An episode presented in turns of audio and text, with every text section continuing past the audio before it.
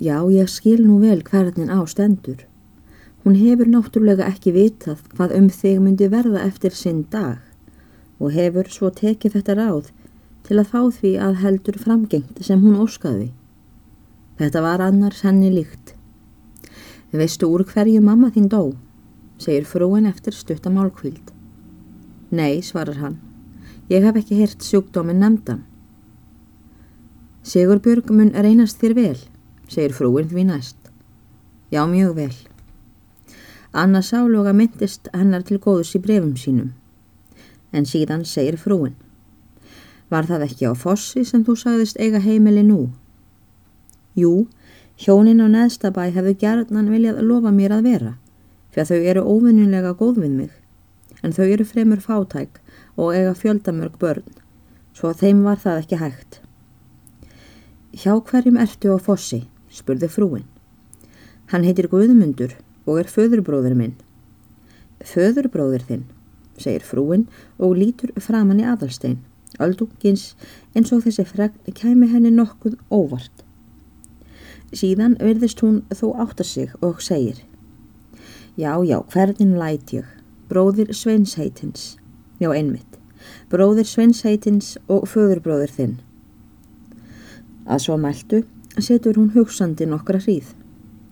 Augun verða kvöss venju framar og sveipurinn svo alvarlegur að hann er næstum þungbúin.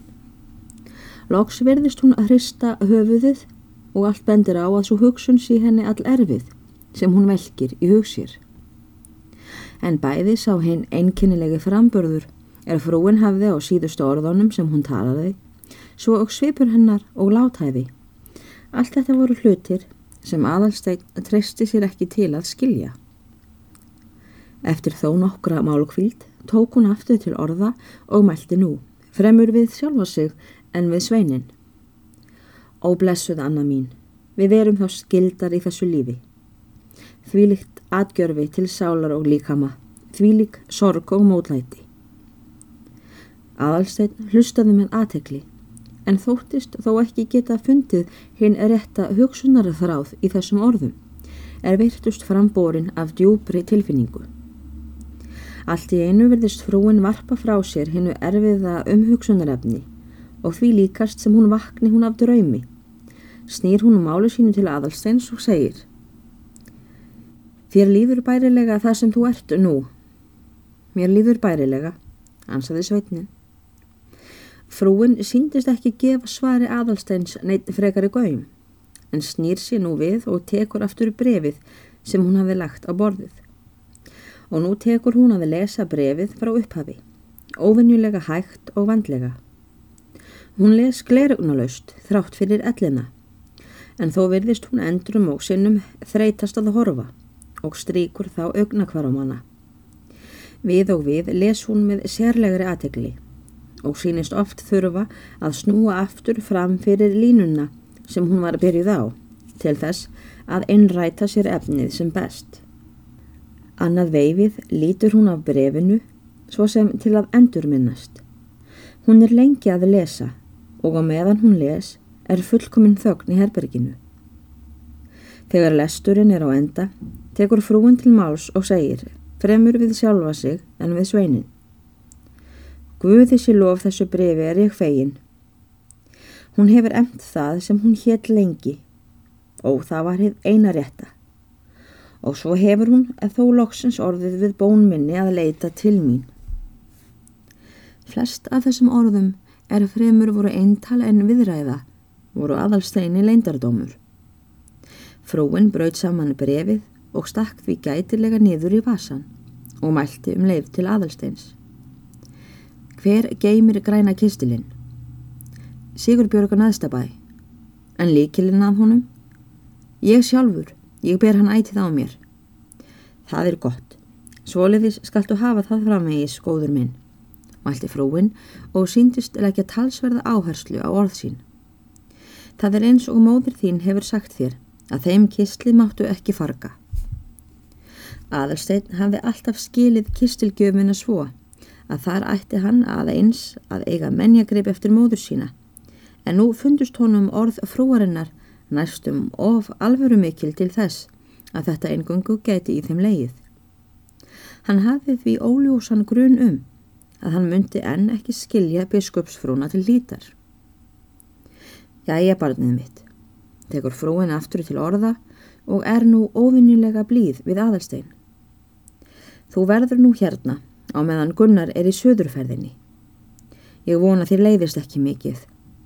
Þú skalt ganga hér út og inn eins og heima hjá þér og bækur skal ég útvega þér ef þig langar til að lesa.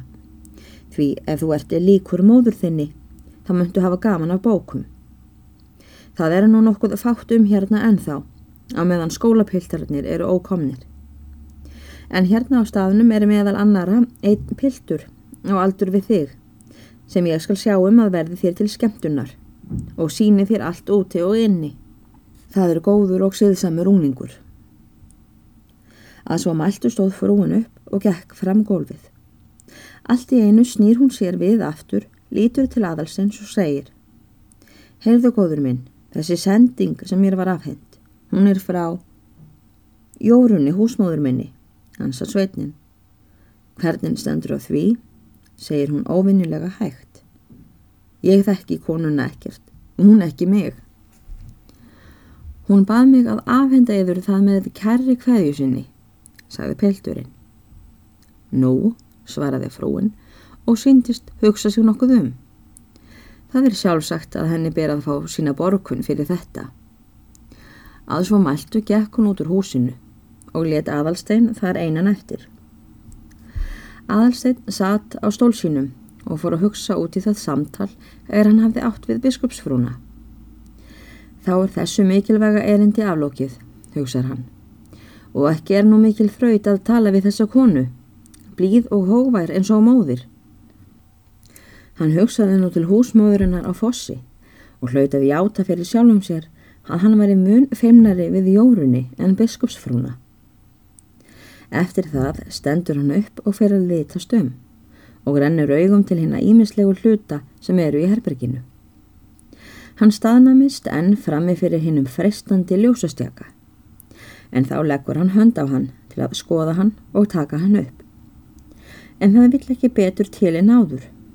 Fótaburður dunar fyrir framann hurðina og hann miklu fjörugri en áður og hefur aðalsteinn nú ekki frest til afturkvarfs.